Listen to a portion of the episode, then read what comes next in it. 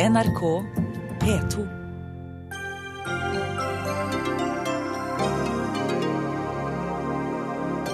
Desperasjonen vokser i Nepal. Dette er den vanskeligste nødhjelpsoperasjonen vi har stått overfor, sier Kirkens Nødhjelp.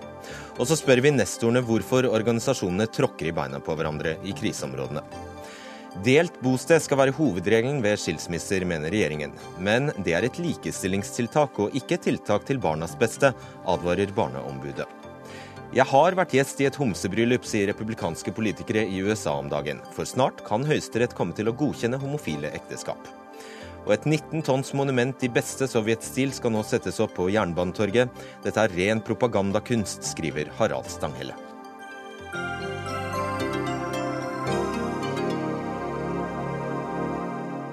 God kveld og velkommen til Dagsnytt 18 i studio Fredrik Solvang.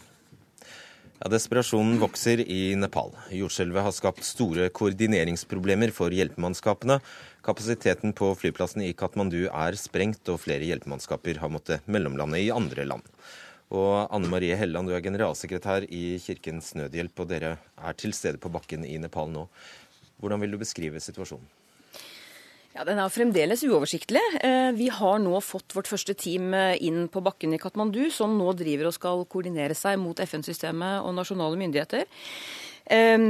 Det er jo det vi frykter nå, er at altså, det er jo mange landsbyer som ligger utenfor Katmandu, som ikke har veiforbindelse, hvor, er, eh, hvor vi nå får meldinger fra Det internasjonale Kirkens Nødhjelp om at det er hele landsbyer som er utsletta, eh, og hvor man ikke får inn hjelp. Og det er ingen oversikt over hvor mange som er skadde, og hvor mange som eh, er overlevende, og hvor mange som er døde der. Men Kirkens Nødhjelp er jo i full gang med arbeidet. Ehm, vi, eh, den store utfordringen nå er å få utstyret inn. For det er klart at flyplassen nå i Katmandu er en flaskehals. Det er veldig mye nødhjelpsutstyr som må inn, og det er mye personell som må inn. Men Kirkens Nødhjelp satser nå på å sende vår første forsendelse av utstyr fra Dubai og til Katmandu i morgen. Men vi jobber nå med alle mulige måter å få utstyret inn på, enten via landevei eller småfly. Og det utstyret vi skal sende inn, er eh, vannutstyr for å kunne gi tusenvis av mennesker tilgang til livreddende rent vann. Fordi de som nå er overlevende fra denne katastrofen, de står jo nå overfor en ny trussel, nemlig epidemier og bakterieutbrudd. Så nå gjelder det å få på plass rent vann og gode sanitærløsninger så fort som mulig. Jan Egeland, generalsekretær i Flyktninghjelpen. I tillegg til det Helleland eh, snakker om her, at flyplassen faktisk eh, er sprengt. Hva er det som skaper mest problemer for eh, hjelpemannskapene? Det, er jo at, eh, at jordskjelvet gjør at kommunikasjonslinjer, transportlinjer, logistikkapparater blir sterkt nedsatt og redusert når du trenger dem som mest. Eh, og det er jo veldig ofte slik at vi overdriver hva vi kan bringe utenifra. Det viktigste er det de har i landet, og ikke minst da det ganske rike organisasjonslivet du har i, i Nepal. Men også de har jo enorme problemer med å kommunisere fra én del av landet til den neste. Så det er jo den lokale livredningen som nå er den viktigste, og som eh, vi da, og organisasjoner som er på plass, Kirkens Nødhjelp eh, Vi har sendt eh, Altså Flyktninghjelpen gjør et, et bidrag ved at vi ikke etablerer egne operasjoner. Vi sender våre eksperter inn i FN-systemet, og der har vi allerede noen på plass som prøver å få FN-systemet til å koordinere den store innsatsen bedre. Men likevel uh, hører vi altså rapporter om at det er uh, kaos også blant uh, hjelpeorganisasjonene. Hvordan kan det ha seg? Ja, altså Jeg mener den kaosjournalistikken er alltid en god del overdrevet. Men går man på den eneste flyplassen i et jordskjelvområde dag to, tre, fire, fem og seks, så vil det være enorme, enorme flaskehalser. Nei, altså det, det, det samme vil skje i Norge. Mm. Det skjedde i Katrina-orkanen i USA. Det vil skje. Det viktige er jo hva skjer faktisk i nærmiljøene til de som er mest rammet. Ja, jeg er enig med Egeland. Altså, dette er jo en katastrofe, og da ligger det i sakens natur. Altså, her har veier blitt borte, her har bygninger rast sammen. Det er altså folk som er og, født og oppvokst i Katmandu som ikke kjenner seg igjen i byen sin, fordi alt er borte. Eh, og Det gjør jo at det er vanskelig å operere i. Men derfor, som Egeland sier, er det jo ekstremt viktig at de store, ordentlige, seriøse aktørene de må koordinere seg inn mot FN-systemet og nasjonale myndigheter for å sikre at de som trenger hjelpen mest, får den, og får den mest mulig effektivt. Halvor Fossum Lauritzen, du er tidligere utenlandssjef i eh, Røde Kors og har koordinert flere av de største eh, katastrofene tidligere.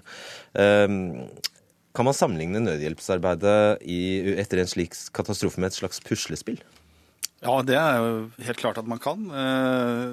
Og et veldig viktig puslespill. Her er det utrolig viktig å legge brikkene på riktig plass.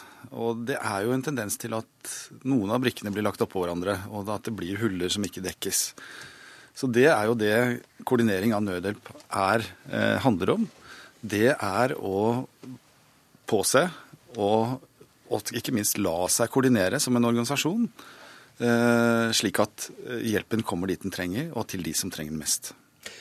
Er det alltid bare altruisme og eh, godhet som motiverer de som eh, reiser og som melder seg først, eller er det også slags, eh, et slags ønske om å, om å, være først og kunne bidra aller først?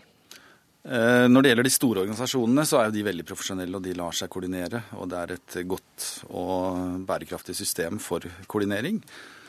Men det er nok enkelte organisasjoner av de små som har sin egen agenda, som ønsker å være først, og har sin egen agenda for hvem de skal hjelpe, og hva de skal gjøre. Er det et problem? Ja, Det er jo et problem. altså. Veldig ofte så blir det også fremstilt i mediene som veldig liten administrasjonsgebyr. De er veldig ubyråkratiske. I tsunamien så vi da at det var vel 400 organisasjoner alt i alt som ble involvert. Og mange av de som hadde minst erfaring i områdene, var de som kanskje hadde lavest administrasjonsprosent, men gjorde en dårligst jobb. Eh, men igjen, altså vi, vi har ofte en tendens til å overdrive vår egen rolle. 99% av de som eh, reddes i lete- og søkefasen, som er inne nå, reddes av nabolagene sine. Det er ikke, det er ikke hundeførere fra Frankrike eller, eller, andre. Det er de lokale folkene. Og det er de òg som vi må hjelpe med nå å bygge opp et mer jordskjelvsikkert samfunn i framtiden. For det kommer, det kommer flere jordskjelv. Dette er et av de mest jordskjelvutsatte områdene i verden. Helland, når uh, Lauritzen her beskriver at uh, puslebrikkene legges oppå hverandre og ikke utover, uh, kan det f.eks. dreie seg om at organisasjonene stiller seg i kø for å dele ut vann? Det kan det. Hvis man ikke lar seg koordinere, så kan det skje. Og det har vi sett andre steder. At vi har fått tildelt våre områder av FN-systemet og går inn der, og så er det allerede noen mindre aktører som gjør mindre og relativt dårlige innsatser, for å si det rett ut. Og det er dårlig bruk av pengene. Eh, og nettopp derfor, så jeg vil understreke det Egeland sier, så de, de nødhjelpsekspertene fra Kirkens Nødhjelp som nå er i Katmandu, deres primæroppgave er jo knytte seg nå til FN og nasjonale myndigheter, og ikke minst de lokale partnerne våre på bakken. Fordi de må definere hva behovene er, og de må definere Det kan ikke være ut ifra hva vi ønsker å sende, men hva de trenger å motta. Og Det er veldig viktig at man nå følger med. at Det kan hende at de sier at nei, der i det området trengs ikke Kirkens Nødhjelp. Og da skal vi lytte til det og si at da trengs vi et annet sted. Og da reiser dere selv om det ikke er eh, kameraer til stede der? Selvsagt. Ja. Lauritzen? Ja, jeg må jo si at uh, jeg er veldig enig med Jan Egeland her. At det er, det er, det lokale miljøet og det lokale organisasjonslivet som spiller en veldig viktig rolle her. Og så er det også myndighetene. Det er jo tross alt myndighetene som har den uh, store oversikten. Og det er myndighetene som skal jobbe sammen med FNs koordineringsteam. Og det blir jo det viktigste der. Men altså, alle er litt paralysert i en slik fase, og spesielt i, helt i begynnelsen av fasen. Også myndighetene som enkeltmennesker er rammet av denne katastrofen. Hva har man da lært av store katastrofer som Haiti? Altså, Haiti var en veldig eh, vanskelig altså Det var enda mye større. Eh, det var et enda svakere samfunn. Og blant de ting man har lært, er at ledelsen må være sterkere. Eh, man burde, Etter mitt skjønn så burde f.eks. FN ta over flyplassene og koordinere. Hvem skal få lov å komme inn? Du får, nei, du får ikke lande, for du kommer faktisk med en eller annen leteteam som det ikke er behov for. Vi er over den fasen nå. Mens du kan komme, for du bringer kanskje eh, vann, vannrenseutstyr som vi kommer til å trenge i de neste til neste eh, året. Er det juridiske så, problemer knyttet til det? Ja, altså det, er veldig, det, er veldig, det er veldig vanskelig bl.a. å sette nasjonale myndigheter ut av spill, som, som, gjerne vil kontrollere. Og nasjonale myndigheter er veldig svake i disse landene. Tilleggskomponent er jo at det militære er ofte de som har logistikkapasiteten man trenger i sånne sammenhenger. Det man burde hatt her, var en flåte på 100 helikoptre. Det klarte vi å få inn i min tid i FN i Kashmir under det enorme jordskjelvet der. Og det var jo det som ble brukt inn i, i fjellene. Eh, indiske og pakistanske militæres helikoptre. Nepal har ikke militære helikoptre, de har ett helikopter. Kan det stemme at man bruker helikoptrene til å frakte hvite mennesker ned fra fjellene? Per nå har jo vi også hørt det, at det har blitt brukt til det, og at flyplassen brukes til det. og Det er jo helt forkastelig. Det kan man ikke ha. Eh, understreker igjen det poenget som har blitt sagt om, om nasjonale og lokale eh, lokalsamfunn. For det er, de som trenger nå hjelp, men de er selvfølgelig rammet like mye som alle andre. Men Kirkens Nødhjelp, internasjonale Kirkens Nødhjelp har som jeg har sagt, hundrevis av ansatte på bakken som også er rammet. Men de krabbet jo bokstavelig talt ut av ruinene og, og, begynte å jobbe. og I løpet av de første 24 timene hadde de delt ut mat og vann og telt til 2500 mennesker. Og det er jo en bitte, bitte, bitte, bitte lite bidrag, men allikevel nådde man 2500. Så gjør vi en ordentlig koordinert innsats med store ressurser bak, hvor man faktisk vet hva man holder på med, og profesjonelle aktører, kan man gjøre veldig mye. Helt til slutt, Lauritzen. Hvilken fase beveger man seg inn i nå? Ja, det er en veldig vanskelig fase. Befolkningen er desperate og trøtte, eh, det må jeg også si. Og nå er det jo en fare for at eh, det kommer aggresjon. Altså man får befolkningen mot seg fordi at alle har behov for å legge skylden på noen. Enten det er utilstrekkelig hjelpearbeid, eller det er myndigheter som ikke fungerer, eller andre ting. Eh, og da må man være spesielt oppmerksom på det. Og så er det en lang og tung rehabiliteringsfase. Og det er eh, helt sikkert ikke siste gangen vi snakker om dette i dette studioet heller. Takk skal dere ha, Jan Egeland, Anne Marie Helland og Halvor Fossum Lauritzen. Dagsnytt 18 alle hverdager kl 18.00 på NRK P2 og NRK2. Verden opplever den største flyktningkrisen siden andre verdenskrig, og minst 3500 båtflyktninger har mistet livet på vei til Europa det siste året. I dag har FNs høykommissær for flyktninger vært i Norge for å snakke med norske politikere om den alvorlige situasjonen. Og Carolina Lindholm Billing, du er assisterende regionsjef for FNs høykommissær for flyktninger, forkortet UNHCR, i Nord-Europa. Velkommen. Takk. Hvordan vil du beskrive flyktningsituasjonen ved Middelhavet nå?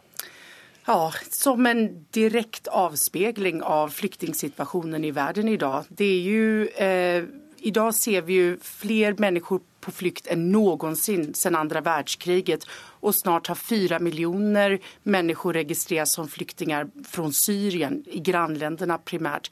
Så att det är en väldigt svår situation på grund av krig, konflikter, förföljelse.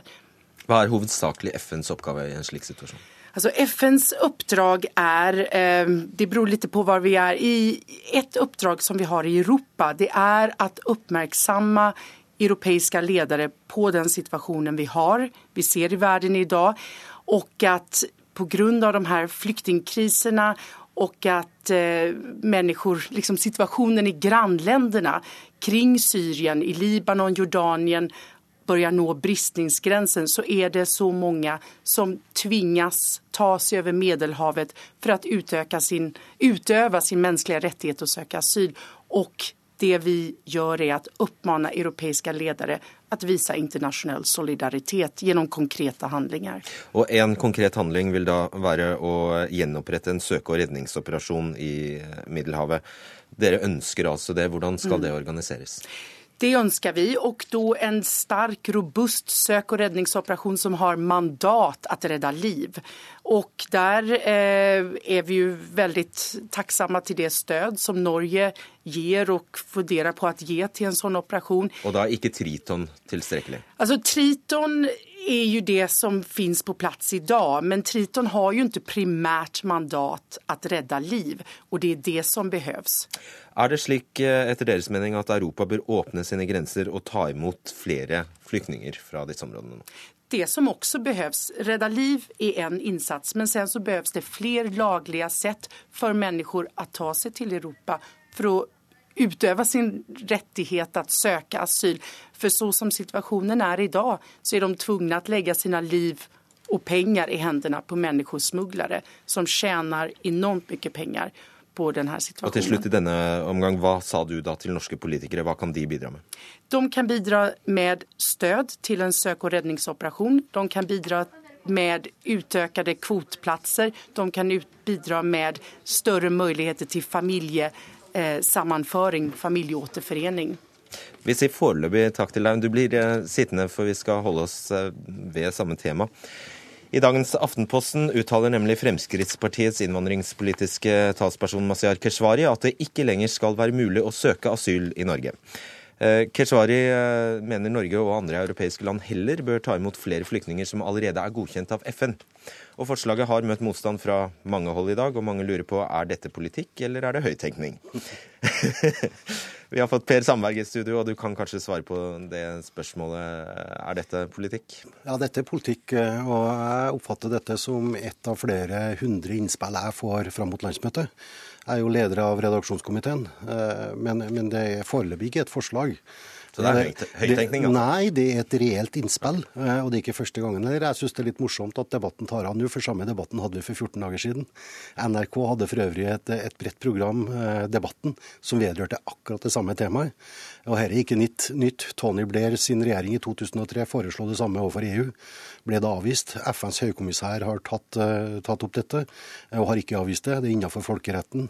Eh, Vi har jusprofessorer som støtter det, og det er mange positive eh, konsekvenser av en sånn ny struktur. Men la meg få si, det er feil eh, det som eh, blir oppfatta hvis man sier at man skal avvise asylsøknader. Det er det ikke. Ok, bare klargjør for oss hva det ja, for det, det handler om altså at vi skal få eh, FN for å ta et overordna ansvar i forhold til asylsøknader. Det betyr at det vil fortsatt kanskje komme asylsøkere til Norge, men da blir man registrert i Norge, og så blir man overført til FNs asylsenter, hvor det er trygghet, og der at man får en felles rettferdig behandling av sin Og man skal da siles av FN først. Helt riktig. Eh, Ann Margrethe Ausunå, du er generalsekretær i Norsk organisasjon for uh, asylsøkere. Jeg bare tar for gitt at du ikke syns dette er en god idé, men fins det andre alternativer til dagens asylinstitutt som kan fungere bedre? Altså, dagens asylinstitutt bygger jo på eh, flyktningkonvensjonen, altså på den grunnleggende rettigheten mennesker som er utsatt for forfølgelse, har til å søke seg til et trygt område og søke beskyttelse der. Eh, og så er det et spørsmål hvordan dette praktiseres og hvordan dette utøves, og hvor dyktige eh, land er til å ta imot. Vi har jo sett f.eks. i Europa at Hellas i en lang periode overhodet ikke var i stand til å ta imot mennesker på en verdig måte, så man måtte slutte å returnere dublinere, altså disse som først var registrert i Hellas og kom til andre europeiske land, kunne ikke returneres til Hellas, for det var uverdig, de mottaksforholdene som var. Men selve dette å få behandlet et behov for beskyttelse, eh, det er jo bare snakk om å forsøke å gjøre det så godt og effektivt som mulig. Det er ikke snakk om å erstatte det med noe, for hva skulle det være? Et, Altså, et FN-styrt system? Ja, men altså dette som, som eh, Sandberg nå eh, snakker eh, relativt varmt om, og som Keshvari har tenkt høyt om, det er jo en sammenblanding av flere ting. Slik jeg har oppfattet det, det FN har forholdt seg til, er behovet for trygge områder hvor det er store flyktningstrømmer. Ikke at man skal etablere enda flere flyktningleirer. For de finnes det jo jammen nok av i verden, hvor folk blir sittende på fullstendig ubestemt tid i generasjoner, kommer ingen steder. Altså, jeg, jeg jeg skal gjerne ta en diskusjon om flyktningkonvensjonen fra 51. Eh, Det var aldri tenkt den gangen at mennesker skulle sette sitt liv eh, på spill med å reise jorden rundt for å søke trygghet. Det er jo det som skjer nå, og det er det vi ser i Middelhavet. Og det er jo helt riktig som blir påpekt her også, nabolandene, nærområdene, er så pressa nå at flyktningene ikke har noe hvilested, så de må vandre videre. Og derav også ut i Middelhavet. Og da vil et sånt forslag sørge for at man har nærhet til trygge asylsenter som behandler søknaden eh, på, en, på en riktig måte. Menneskesmugling vil f- forsvinne over natta. Eh, Du vil ha, eh, ta bort grunnløse asylsøknader, som er en debatt. Og når hvert enkelt land, Norge, bruker milliarder av kroner på å administrere, behandle disse søknadene, disse milliardene kunne med letthet ha vært brukt på en mer positiv måte i nærområdene for å skape håp, næringsutvikling, utdanning for kvinner og barn osv., så, videre, så man hindrer at mennesker er nødt til å sette livet på spill og barns liv på spill med å flykte over lange avstander. Det er jo rørende å høre hvor eh, opptatt Fremskrittspartiet er av situasjonen i nærområdene. Nå har dere en kjempegod anledning. Vis det, og gi den milliarden som eh, vi er mange organisasjoner som har bedt regjeringen om å komme med, nettopp for å hjelpe situasjonen i nærområdene. Men det er jo ingen grunn til å avvikle asylinstituttet av den grunn. Og det gjør ikke presset på, eh, på disse landene noe mindre, i form av at de rett og slett har kapasitetsproblemer problemer i å håndtere så store grupper. Og nå ser vi at det er eh, Sikkerhetsutviklingen er flere steder sånn at mennesker legger ut på flukt. Det har de gjort til alle tider. Også under andre verdenskrig og under første verdenskrig var det mennesker som forflytta seg over store områder. Det var jo en av grunnene til at Nansen-passet kom. At mennesker menneskers plutselig grenser ble trukket opp på nytt. Mennesker var statsløse. Mennesker hadde behov for å bevege seg over store avstander for å finne trygge områder.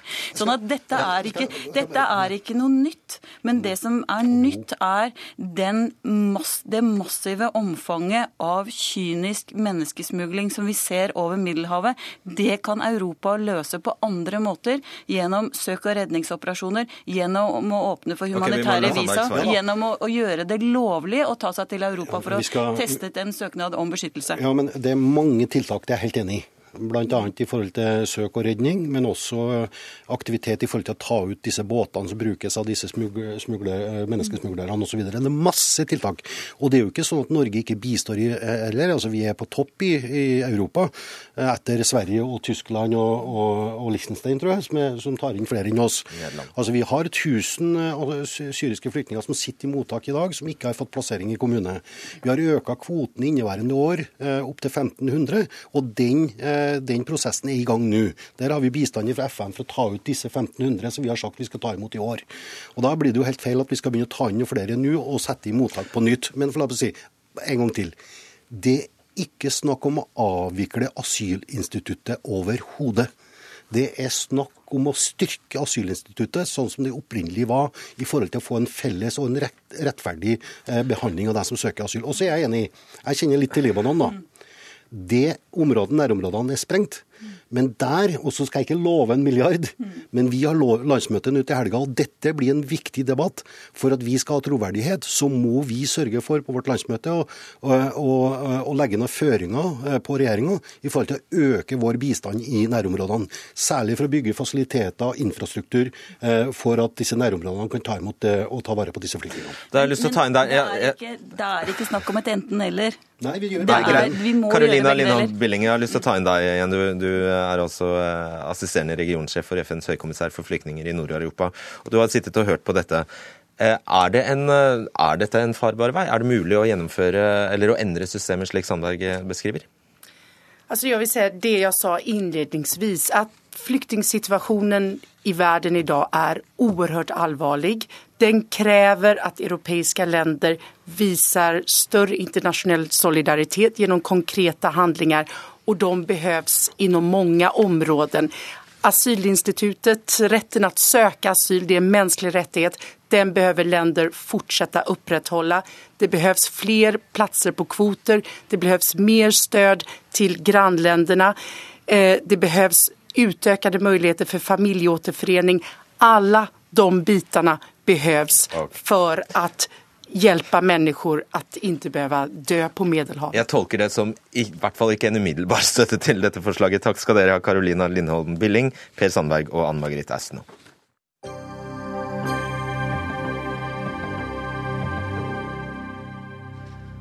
Barne- og likestillingsminister Solveig Horne vil at hovedregelen ved skilsmisser skal være at barna skal bo hos begge foreldrene. Dette skal i departementets språkbruk styrke foreldreansvaret, styrke barns samvær med begge foreldrene og hindre samværssabotasje. Og Solveig Horne, dere kaller altså dette å likestille foreldrene til barnas beste. På hvilken måte er dette til barnas beste? Regjeringen foreslår nå å løfte delt bosted som et alternativ i loven, eh, der det er viktig at foreldrene, foreldrene har en sak som skal opp i domstolen. Og hvordan er det i dag? Er, I dag er det sånn at det står at det er muligheter for delt omsorg. Det står i loven i dag. Regjeringen har i sitt eh, forslag nå som skal ut på høring, løfta det opp i loven. Men jeg har lyst til å understreke at det som skal ligge til bånd, det er avtalefrihet, det er barns beste. Og det er barns rett til mor og far. At foreldrene er likeverdige som omsorgspersoner når det er et samlivsbrudd. At barna får rett til omsorg og samvær med begge foreldrene sine. Det er det som er viktig for regjeringen. Og det er. Og, og det er mitt mål. Og dette er ikke du begeistret for, barneombud Anne Lindboe. Dere er faktisk svært kritiske? Ja, altså Det er veldig mange som velger frivillig delt bosted for barna sine i dag. Og det fungerer veldig godt for eh, mange, og er en veldig fin løsning fordi det fungerer godt for. Men jeg er veldig skeptisk til å presse de foreldrene som faktisk ikke samarbeider i dag, til eh, delt bosted. Jeg mener at det kan øke konfliktnivået, eh, gjøre det mye vanskeligere for barna, og i ytterste konsekvens få alvorlige helsekonsekvenser for de barna det gjelder, som det faktisk gjør å leve under høykonflikt. Så jeg er helt tro på andre løsninger for å få til et bedre eh, familiesamarbeid eller foreldresamarbeid, nemlig det å styrke eh, familievernet. Og jeg syns at forslaget sånn som det er nå, bærer preg av å ha mer fokus på voksenperspektivet, voksnes rettferdighet og likestilling, enn det som faktisk er til barns beste. Bare til det statistiske. altså Du sier at mange i dag velger delt omsorg. Mange er da 24% mens 66 bor hos mor? Ja, det er allikevel ganske mange flere enn det bare var for noen eh, år siden. Men langt fra halvparten? Eh, ja, nei, det er det ikke. Men målet her må jo ikke nødvendigvis være at barn skal bo 50-50 hos begge. Målet her må være at man skal finne en løsning som er best for barna. Det er, og, sånn som, om, ja. Eh, det er jo Barneombudet og jeg er helt enig. Det viktigste er å sette opp hva som er det best for barnet her. Og delt bosted, det handler ikke om å dele barna. Det handler ikke om at 50-50. Det kan like godt handle om 70-30, så 40-60. Det er viktig at foreldrene her kommer til en avtale, at barn òg blir hørt i samlivskonflikter og når det gjelder samvær og bosted. Men da skjønner ikke jeg hva som er nytt? Ja, Det er det som er nytt. Altså, Vi sender ut på høring nå fire forslag. Det ene er om at flere skal få eh, foreldreansvar. Flere, det med flytting innenlands og det med samværssabotasje. Og delt bosted, det å løfte det opp i loven, det er et av de tiltakene som regjeringen òg kan være med å sikre at barn får rett til begge sine foreldre, og likestille foreldrene som omsorgspersoner og ved et samlivsbrudd. Bare forklar det med altså, Det står altså at delt omsorg skal nevnes først i loven. Så hvilken helt konkret praktisk betydning vil det få for en far? Det vil si at foreldrene likestilles som omsorgspersoner, sånn at de er klar over at det er, ligger i loven i dag. Men så er det fremdeles opp til det enkelte foreldre å komme til en løsning. Avtalefriheten skal ligge der, barns beste skal gjelde. Men vi ser det at flere og flere saker kommer, er konflikter som kommer inn i rettssystemet. Og det med å løfte delt omsorg som et alternativ i loven, er viktig for å signalisere at vi mener at begge foreldrene er like gode som omsorgspersoner omsorgspersoner. Og barn har i dag rett til begge foreldrene sine. Det har de med et godt samliv, men de har det òg, må få det bedre med et eh, samlivsbrudd.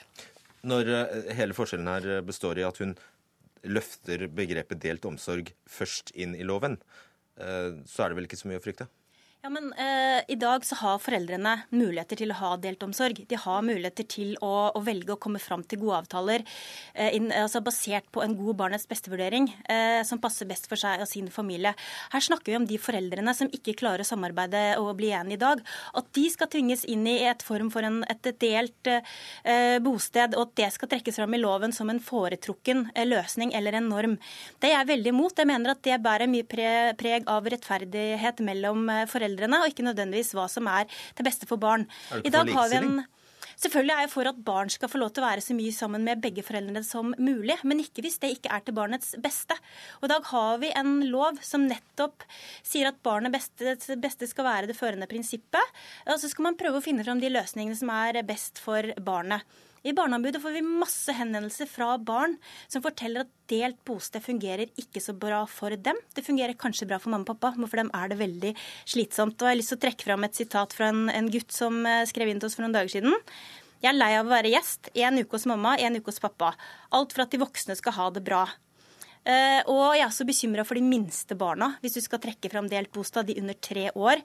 Både Bufdir og Psykologforeningen har gått ut og advart mot delt eh, bosted for de minste barna, for at det kan ha noen uheldige konsekvenser. Så nok en gang, loven i dag åpner for å finne gode individuelle løsninger med fokus på barnets beste, og sånn syns jeg vi skal la det være, og ikke trekke fram at delt bosted skal være Eh, Hun er der, ja. Ja, nei, jeg er veldig glad for, for det som, som Barneombudet trekker fram, at det er barns beste, og at foreldrene må komme til en enighet som passer best for sin familie og sine barn. Der er vi enige. og Det er derfor det er så viktig å styrke også familievernet, slik at de foreldrene kan komme til gode løsninger. Og så vil jeg jo oppfordre også foreldre i dag til, og etter det har gått et halvt år, til å sette seg ned med barna og til å la barna bli hørt. For det er viktig at barns stemme kommer, til, kommer fram, og at de ser på hvordan den ordningen som de har kommet til, om hvordan den har fungert etter et halvt år. Så er det en ting jeg lurer på. For du, når det gjelder pappaperm, så sier du, bruker du på en måte motsatt argumentasjon. Da sier du at likestillingen har kommet så langt at nå kan foreldrene velge selv. Men når det gjelder dette, altså når det gjelder fordeling av, eller, eller omsorgen for barn, så sier du at mannen må hjelpes av lovverket. Nei, vi har alltid, alltid sagt det at eh, foreldrene skal ha en fleksibilitet og en valgfrihet, og at foreldrene sjøl kan få lov til å avgjøre hvordan de vil innrette sin hverdagsliv. Det gjør de med i et godt samliv, og det ønsker jeg at de skal gjøre òg ved et samlivsbrudd. Men loven i dag sier nok likestiller ikke eh, foreldrene som, som, eh, som, som foreldre ved et samlivsbrudd. Og jeg er litt overraska over den store motstanden mot dette forslaget med å løfte det i loven.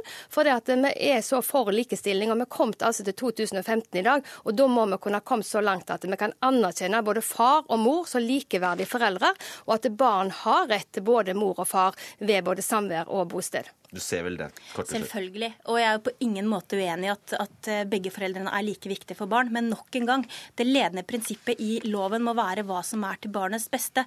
Finne gode individuelle løsninger. Ikke trekke frem at delt bosted skal være en norm eller noe man skal etterstrebe. For noen barn er ikke det det beste. For noen barn er det kanskje aller best å bo enten hos mor eller enten hos eh, far, og ikke ha delt bosted. Og Derfor syns jeg loven eh, fungerer veldig fint sånn som den er i dag, for den gir åpning for nettopp hva som er best for barnet. Og så var dette bare smakebiten. for du, når, kommer, eh, når, når, skal dette på høring? Det kommer til å bli sendt på høring i løpet av sommeren, og kanskje før sommeren. Det er i hvert fall et viktig arbeid for, for regjeringen å få likestilt foreldreskap. Takk skal dere ha, Solveig Horne og Anne Lindboe.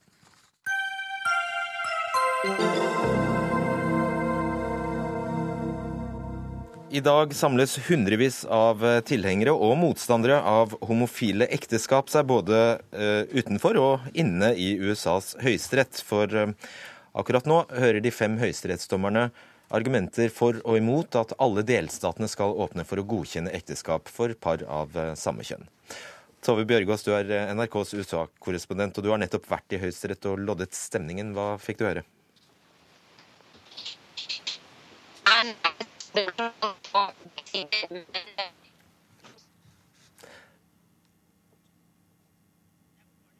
Ja, jeg tror vi må jobbe litt med den eh, linja. Mens vi gjør det, så eh, er det veldig bra vi har deg her, Halvor Notaker, historiker USA, med USA som eh, felt. Forklar oss først hvorfor og hvordan har denne saken havnet i Høyesterett? Det er jo sånn i USA at det er Høyesterett som setter grenser for hva politikerne kan drive med, og på hvilken måte de kan drive med det. Hvordan man kan lage lover, hva som kan reguleres, og på hvilket nivå eh, det i så fall skal reguleres. Og Denne saken er da blitt valgt ut av høyesterettsdommerne, som selv velger ut hva de vil ta opp, eh, som en, som en prøvesten de, i dette spørsmålet. Og Hvorfor gjør de det akkurat nå? Eh, hvorfor det skjer akkurat nå, kan man jo spekulere i. Det kan være at denne saken egner seg spesielt godt. Eller så er det en del som mener at de har ventet på et tidspunkt hvor eh, aksepten i befolkningen for en endring i praksis er så stor at de nå kan våge å ta et skritt videre. Men det, de spekulasjonene kan jo se dumme ut hvis, hvis, de, hvis, hvis, de, hvis de vedtar noe annet. Da. Ja, nettopp. Tove Bjørgaas, vi prøver oss uh, igjen.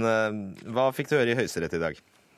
Eh, altså de, som, jeg, som jeg, sa, eh, de som kjemper for, eh, de tror de har en veldig sterk sak eh, denne gangen. og de som kjemper mot, mange av dem fikk jeg følelsen av tror at slaget er tapt. Også fordi det har skjedd noe med Høyesterett siden sist dette var oppe. Eh, de mener det nå er flertall fem mot fire, mer liberale dommere mot mer konservative. Eh, og Dessuten så har eh, opinionen her i USA veldig kraftig skiftet i dette spørsmålet de siste årene. Nå er mer enn 60% av de spurte i meningsmålinger for homofile ekteskap. Det er nesten en fordobling i forhold til for ti år siden. Så her vinden blåser de homofile og lesbiske retning i USA. Eh, og helt konkret, hva er det høyesterettsdommerne skal ta stilling til? Det er to spørsmål. De skal bestemme om eh, det er grunnlovsstridig for en delstat å nekte et par av samme kjønn å inngå ekteskap. Og Så skal de også bestemme om det er grunnlovsstridig eh, for en delstat å nekte å anerkjenne et slikt ekteskap inngått i en annen delstat. For nå er det slik at 36 delstater har tillatt homofile å gifte seg, men så flytter man rundt i dette landet, og, og, og mange sliter med å få anerkjent sin sivile status i, i, andre delstater. Og det som er viktig å huske på her, det er at i Norge så har vi jo sterke eh, juridiske eh, rettigheter for samboere. Det har man ikke på samme måte her i USA. Her er det ekteskapet som gir rett til f.eks. arv eh, og den typen ting. og Derfor er det veldig veldig viktig eh, å, å få denne saken på plass for de homofile og lesbiske. Eh, men saken er ikke bare, bare, viktig for dem det gjelder, det har jo blitt en slags symbolsak. Det har vært en veldig veldig viktig politisk skillelinje her lenge. Den kristne høyresiden i det republikanske partiet har jo hatt dette og abortsaken som sine to store fanesaker. Eh, men nå mener også mange blant republikanerne at denne saken er eh, tapt. Og at f.eks.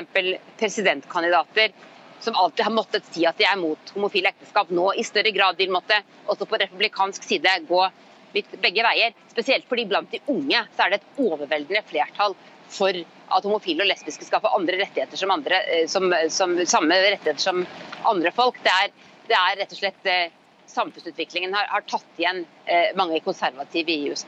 Men er det virkelig sånn at man for første gang kan få to presidentkandidater som er for homofile ekteskap? Eh, man kan få det, selv om jeg tror at den på republikansk side vil bruke et slags eh, ja, litt sånn vinglete språk og si at ja, jeg kan godt gå i et Det er flere av dem som har sagt de siste dagene ja, jeg kan, jeg kan gå i et homofilt bryllup, men ikke på seremonien, bare på mottagelsen f.eks. For eh, fordi eh, de vil uttrykke at de prinsipielt er mot dette, men forstår at, at det er en sak som er viktig for mange. Halvor Notaker, Det er jo ikke bare de på republikansk side som har eh, vinglet i dette spørsmålet. Hillary Clinton inntok jo så sent som i forrige uke et nytt standpunkt i, i denne saken, da hun til nå har ment at uh, homofile ekteskap var en sak for delstaten, mens nå mener hun da også det er en sak om grunnlovsfestet, uh, altså en grunnlov, grunnlovsfestet rettighet. Det, nok, det, gjelder nok veldig mange politikere, også veldig mange amerikanere. Eh, en del av eh, endringen i oppslutning om eh, dette skyldes selvfølgelig at de som har vært unge og som har vært mer positive, blir flere, og de som er i den andre enden av aldersskalaen, blir færre etter hvert som naturen går sin gang. og Derfor så vil det også øke. Støtten til dette vil øke. Så er det noen som skifter mening. og Hvis man argumenterer riktig for det, så tror jeg ikke det er noe problem for en politiker nødvendigvis. I hvert fall ikke i det partiet som Hillary Clinton tilhører. Det spennende er hva som skjer i Det republikanske partiet, hvor noen har sagt at de, de, de, er, de vil akseptere uh, dette ordentlig, altså et par senatorer og litt sånn. Og så er det den store utfordringen for disse primærvalgskandidatene som skal vinne uh, kjernetroppen i partiet, og da må ta avstand fra dette her. Og så skal de vinne valget i USA etterpå, og da var det som vi hørte et stort flertall som støtter likebehandling. Og da kan det bli veldig vanskelig. Så dette, det er nok mange republikanere som på et vis håper at, eh, at likebehandling skal få fullt gjennomslag, for da er ballen død. Da er det liksom punktum, eller utropstegn, alt etter hvordan man ser det. Da er denne saken ferdig, og da kan de si ja, men nå er det loven, og i USA følger vi loven. Og så kan vi være uenige. Hva er det som står igjen da? Bare abort? ja, men abort det er interessant, da, fordi abort har jo også blitt avgjort av Høyesterett i 1973. Men det, der er det ikke den samme bevegelsen på meningsmålingene. Og det er et spørsmål som nok mange oppfatter som mer evig og, og som et større dilemma, og hvor det er vanskeligere liksom å legge det vekk. Men med en gang en gruppe har fått en rettighet, så vil det nok være få som tenker at du skal ta den vekk igjen på den, på den måten der. Eh, Bjørgaas, eh, hva gjør republikanerne, tror du, dersom Høyesterett kommer til at homofilt samliv, eller, unnskyld, ekteskap er en grunnlovsfestet rettighet? Jeg tror Halvard har helt rett i det han sier, at mange håper nå at eh, dette bare blir avgjort på en måte før presidentvalgkampen starter, så slipper man å drive med dette dobbeltspillet. Eh, da blir det ikke en viktig sak i valgkampen, for da er det på en måte opp og avgjort. Men vil, mange vil jo fortsette å, å, mene at det er feil. Eh, og det som jo, dette viser er jo at, at, det er utrolig viktig hvem som sitter også i Høyesterett blant disse ni dommerne. Obama har utnevnt to liberale dommere de siste årene, så nå er det et liberalt flertall 5-4. Så altså, å forvalte en president handler også om å få en president som kan utnevne dommere som står på den siden man, man ønsker. Eh, og slik er det i dette landet, hvor, hvor eh, den eh, tredje statsmakten, Høyesterett, er, er, en veldig, veldig viktig del av statsapparatet og av lovgivningen. Og Det er altså i juni at den amerikanske høyesteretten skal avgjøre dette. Takk til dere, Tove Bjørgaas og Halvard Notaker. Hør Dagsnytt 18 når du vil. Radio NRK Radio.nrk.no.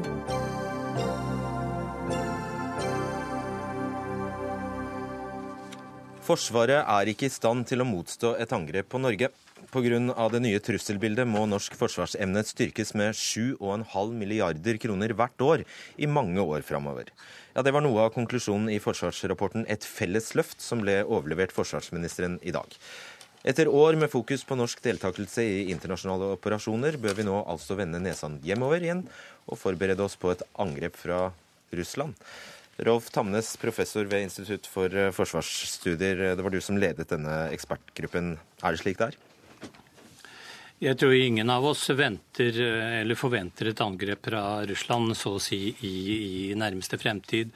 Eh, men det er noen utfordringer eh, knyttet til den russiske situasjonen. De har eh, vist en evne og vilje til å bruke militærmakt, og det foregår en gjenoppbygging av militærmakt som skaper en utfordrende situasjon i nordområdene. Det vi kaller en asymmetri mellom en liten stat og en stor, stor. Og det er en situasjon som vi må håndtere. Og er det da slik at vi er så å si forsvarsløse mot et konvensjonelt angrep på Norge? Nei, da, vi er jo ikke det. Men vi må altså gå igjennom og få system på dette her.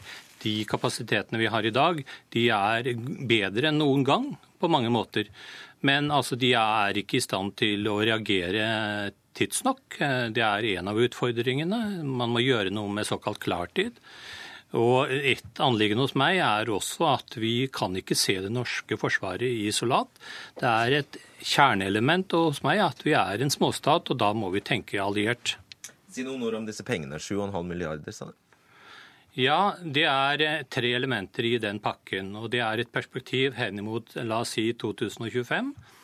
Den første og mest påtrengende er at vi må gjøre noe med beredskapen på kort sikt.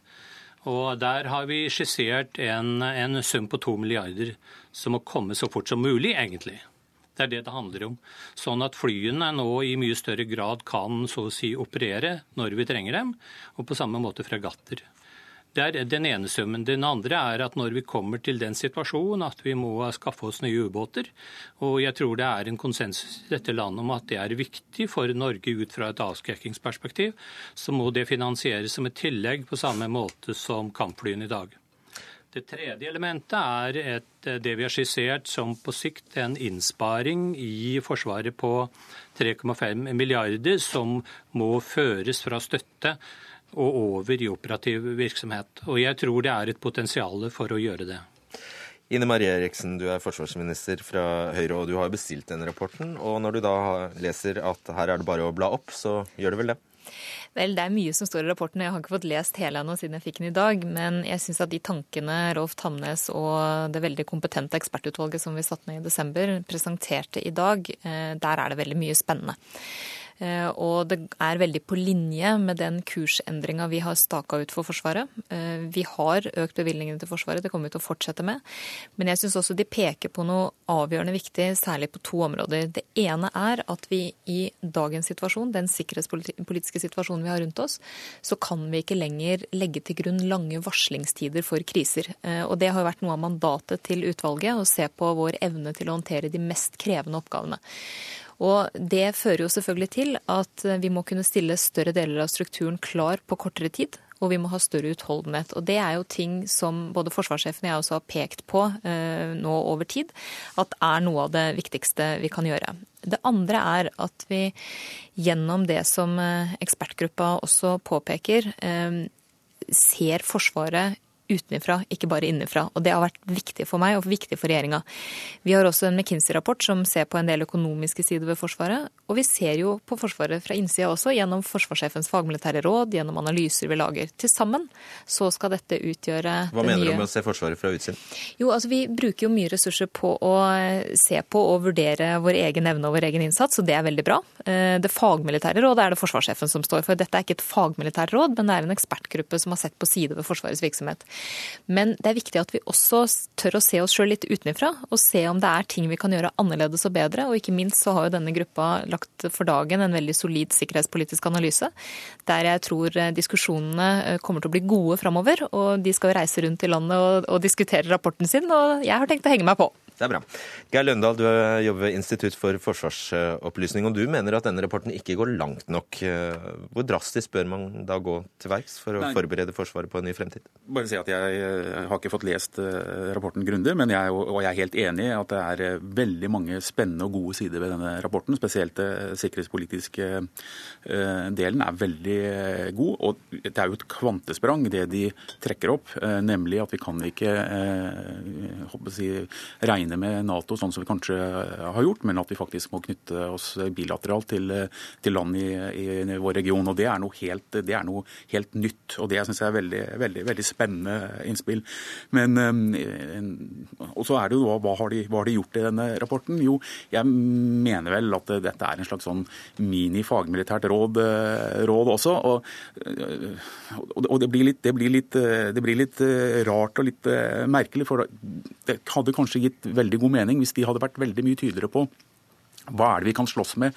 Hvordan kan vi slåss? Hvor lenge? Hvor lang utholdenhet eh, har vi? Da hadde vi fått mer kjøtt eh, på beinet i forhold til å forstå noen av de eh, anbefalingene de har.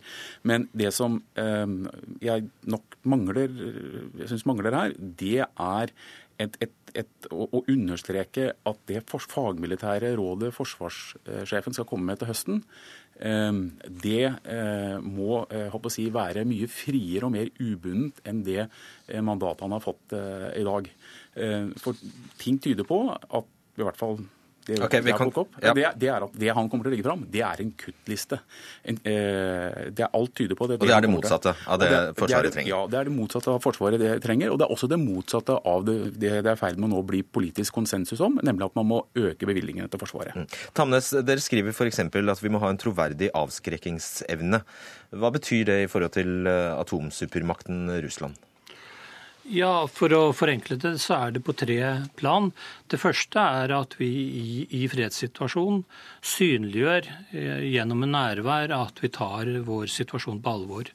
Og Et uttrykk for det er det vi nevnte innledningsvis, at vi må være i stand til å seile og operere i nordområdene for å markere våre interesser. Det andre er at vi må ha potente så å si, eh, stridselementer som ingen stormakt heller kan se bort fra. Og Da snakker jeg om F-35, kampfly, jeg snakker om nye ubåter. Eh, Dette er eh, systemer som heller ikke russerne kan ignorere.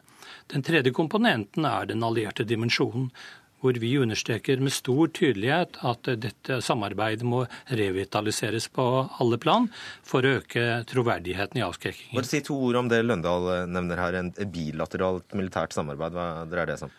Ja, Vi opererer på flere nivå. Det ene er at vi understreker betydningen av Nato som, eh, som overordnet og kollektiv ramme.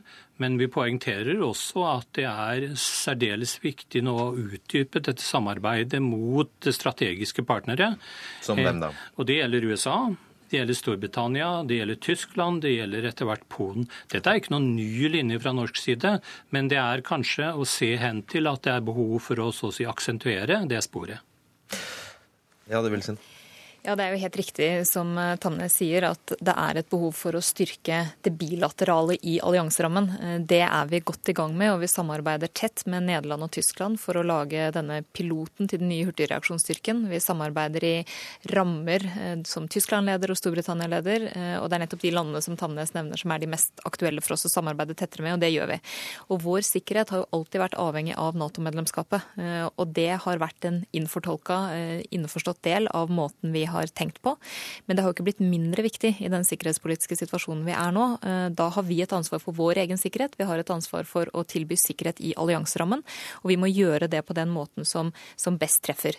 Så eh, er jeg helt enig i det som også sies om det å ha operativ aktivitet som det viktigste. Det har vært vår prioritering også, å vri mest mulig ressurser og legge på ressurser til operativ virksomhet. Det betyr f.eks. at fra, mai, nei, unnskyld, fra januar til mars i år så har vi 42 seilingsdøgn med fregatt i nord. Vi hadde 14 seilingsdøgn på samme tid i fjor. Så vi vrir også aktiviteten dit vi ser det er nødvendig, for å vise tilstedeværelse. Vi skal ha en, et normalt militært nærvær i våre nordområder, i stedet for å akselerere stort hvis det skulle skje noe. Det er er både avskrekkende på sin måte, og det er også beroligende og konfliktdempende.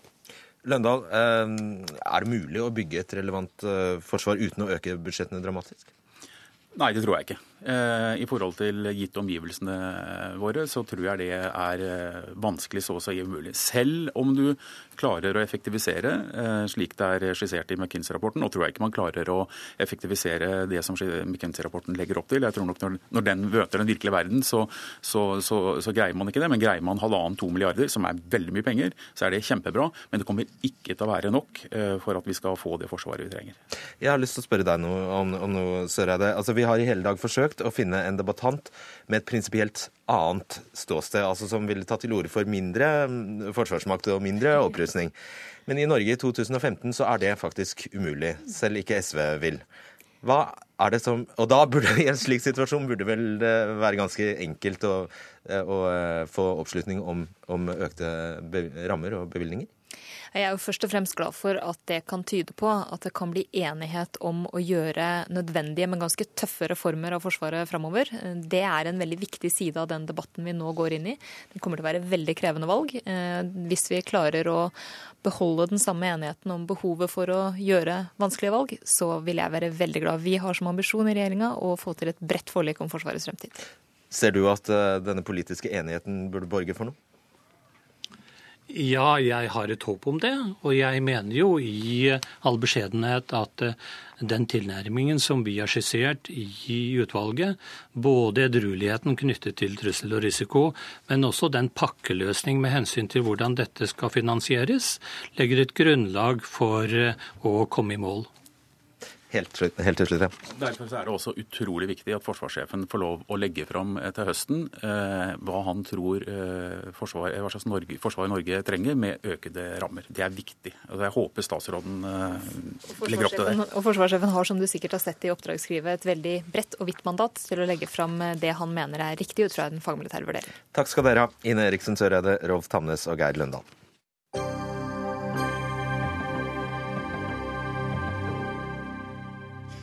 1. mai avdykkes et nytt monument på Jernbanetorget i Oslo. Monumentet heter Knus nazismen og viser et kjempestort hakekors som knuses av en enda større slegge.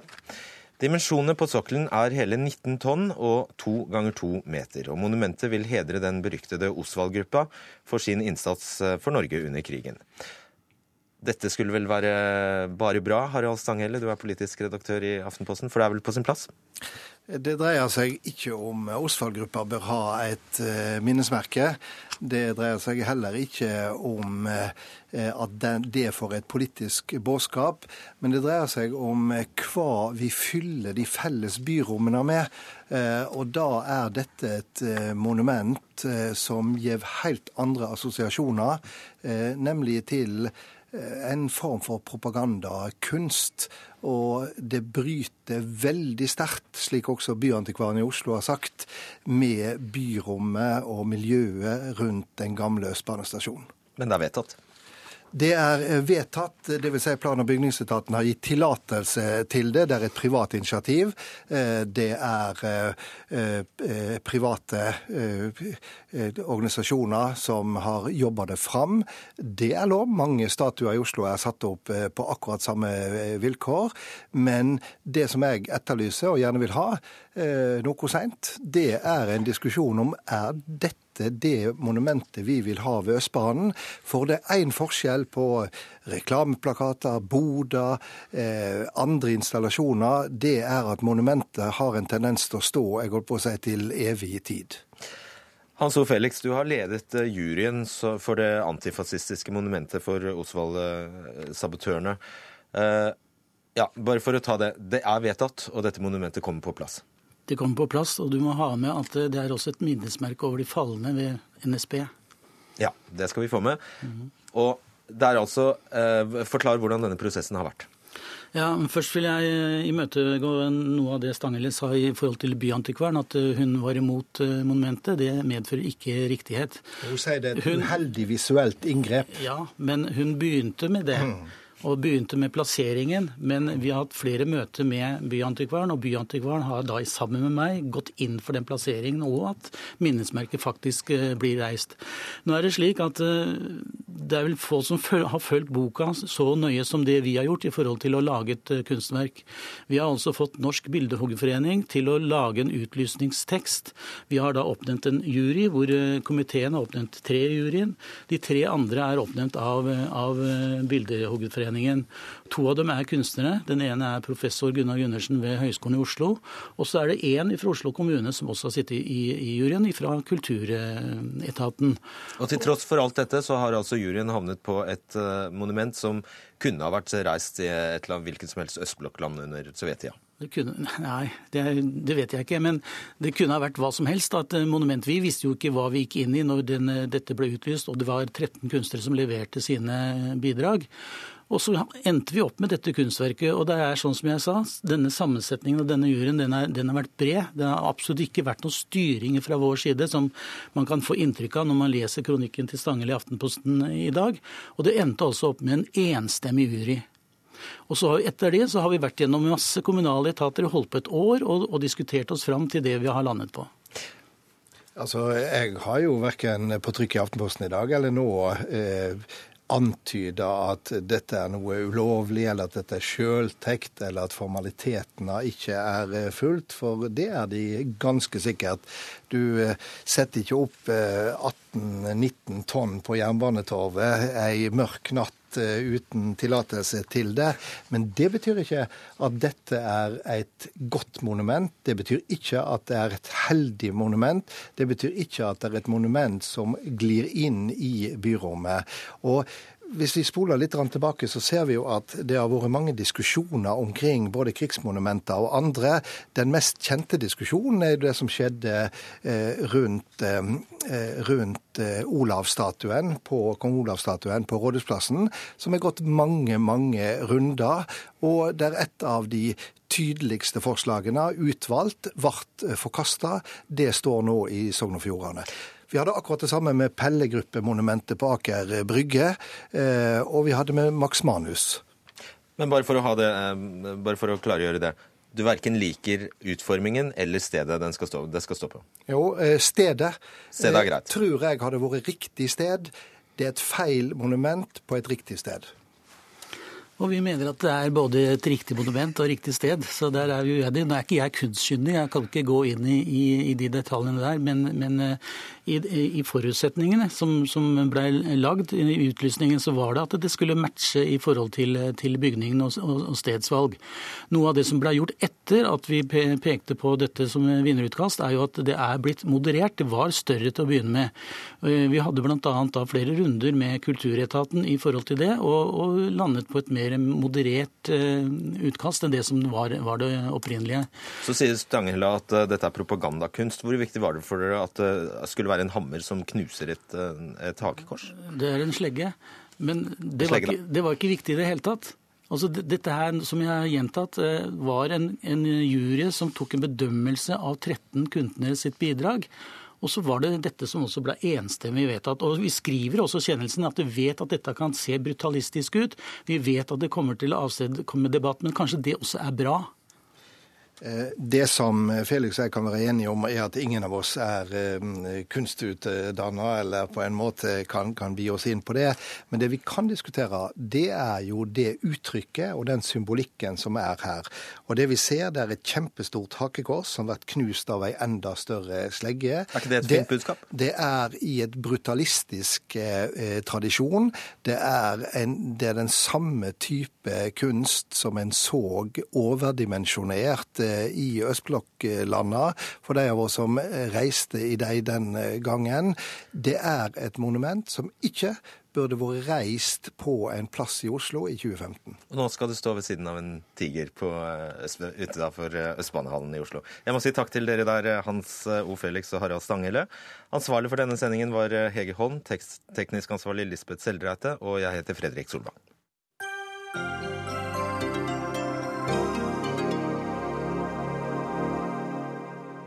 Hør flere podkaster på nrk.no podkast.